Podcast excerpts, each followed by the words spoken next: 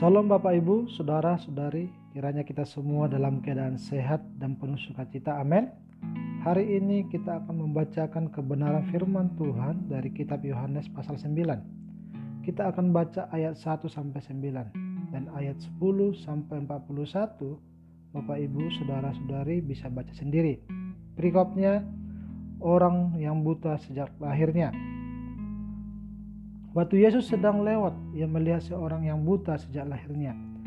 Murid-muridnya bertanya kepadanya, "Rabi, siapakah yang berbuat dosa, orang ini sendiri atau orang tuanya sehingga ia dilahirkan buta?" Jawab Yesus, "Bukan dia dan bukan juga orang tuanya, tetapi karena pekerjaan-pekerjaan Allah harus dinyatakan di dalam dia. Kita harus mengerjakan pekerjaan Dia yang mengutus aku." Selama masih siang akan datang malam di mana tidak ada seorang pun yang dapat bekerja.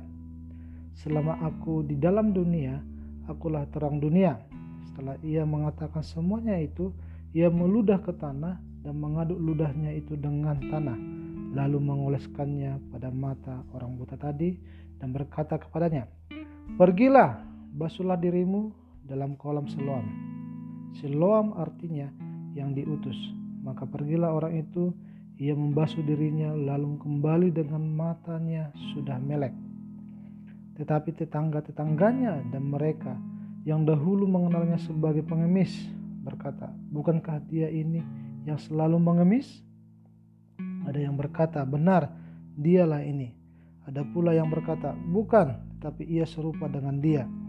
Orang itu sendiri berkata, "Benar, akulah itu." Di dalam perikop ini kita melihat bahwa ada orang buta sejak lahir. Oleh kuasa Tuhan, dia disembuhkan dan bisa melihat.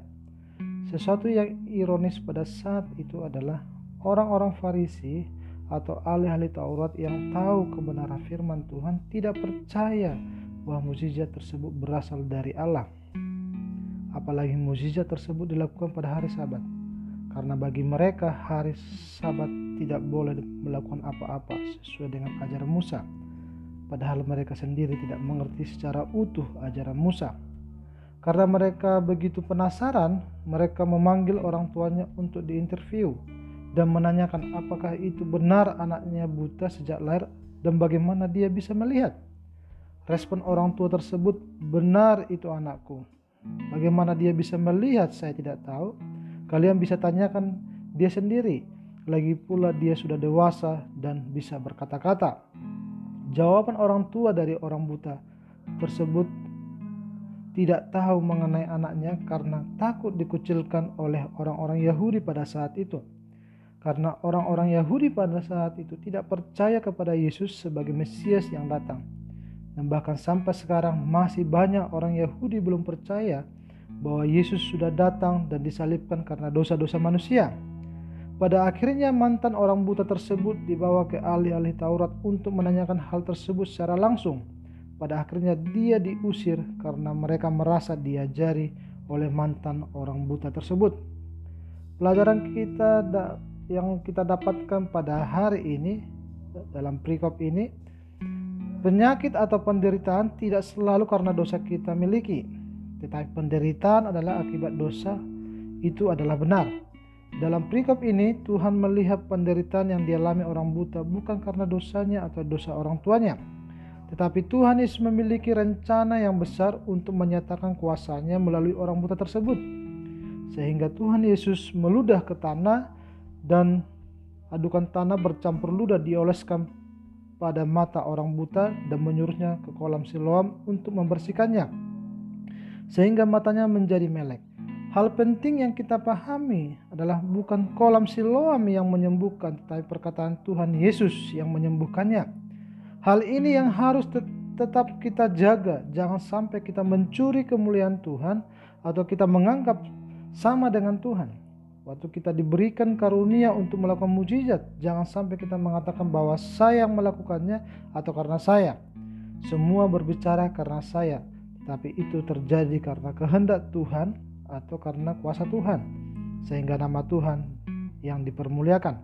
Yang kedua, setelah orang buta tersebut mengalami mujizat dan langsung pergi keluar ke keluarganya karena begitu bahagianya bahagianya mungkin Bapak Ibu Saudara-saudari tetapi respon yang didapatkan dari tetangganya bukan respon yang baik tapi meragukan hal itu terjadi dan bahkan bertanya-tanya sehingga mereka membawa ke ahli-ahli Taurat pelajaran yang kita dapatkan ada banyak orang melihat mujizat tetapi hatinya ditutupi oleh dosa sehingga mereka tidak percaya terhadap mujizat tersebut dan sebaliknya, ada banyak yang melihat mujizat karena hati mereka terbuka terhadap mujizat sehingga mereka percaya dan mereka mengalami kehadiran Tuhan di dalam hidupnya sehingga mengalami perubahan hidup yang luar biasa atau menjadi kesaksian bagi banyak orang. Pada akhirnya orang buta tersebut kembali bertemu dengan Yesus. Kemudian ia bertemu dengan dia dan berkata, "Percayakah engkau kepada anak manusia?" Jawabnya, "Siapakah dia Tuhan?" supaya aku percaya kepadanya. Kata Yesus kepadanya, engkau bukan saja melihat, tetapi dia yang sedang berkata-kata dengan engkau, dialah itu. Katanya, aku percaya Tuhan. Lalu ia sujud menyembahnya. Orang buta tersebut bukan hanya disembuhkan dari penderitaannya, tetapi hidupnya diselamatkan oleh Yesus. Sehingga dia menyembah sujud di hadapan Allah karena dia tahu bahwa Yesus adalah Mesias. Kesimpulan yang kita dapatkan pada hari ini Bapak Ibu. Dari dulu dan sampai sekarang selalu kita mendengar, melihat, dan bahkan merasakan mujizat Allah. Mari tetap percaya terus dan berharap kepada Tuhan Yesus sehingga pekerjaan-pekerjaan Tuhan akan dinyatakan melalui kehidupan kita. Amin. Kiranya melalui kebenaran firman Tuhan ini yang akan memberkati kita, mari kita berdoa. Bapak yang baik, kami percaya sampai hari ini dan sampai seterusnya bahwa Engkau sanggup melakukan mukjizatmu dalam kehidupan kami dan bagi kehidupan orang lain. Oleh karena itu, Tuhan pakai kami menjadi kesaksian bagi banyak orang sehingga semakin banyak orang yang diselamatkan, semakin banyak orang yang percaya kepada Engkau. Kiranya Tuhan melalui kebenaran-Mu membuat kami semakin lebih percaya bahwa Tuhan mampu melakukan banyak mujizat di dalam kehidupan kami. Hanya kepadamu kami berserah, berharap. Haleluya. Amin. Tuhan Yesus memberkati kita semua. Salam.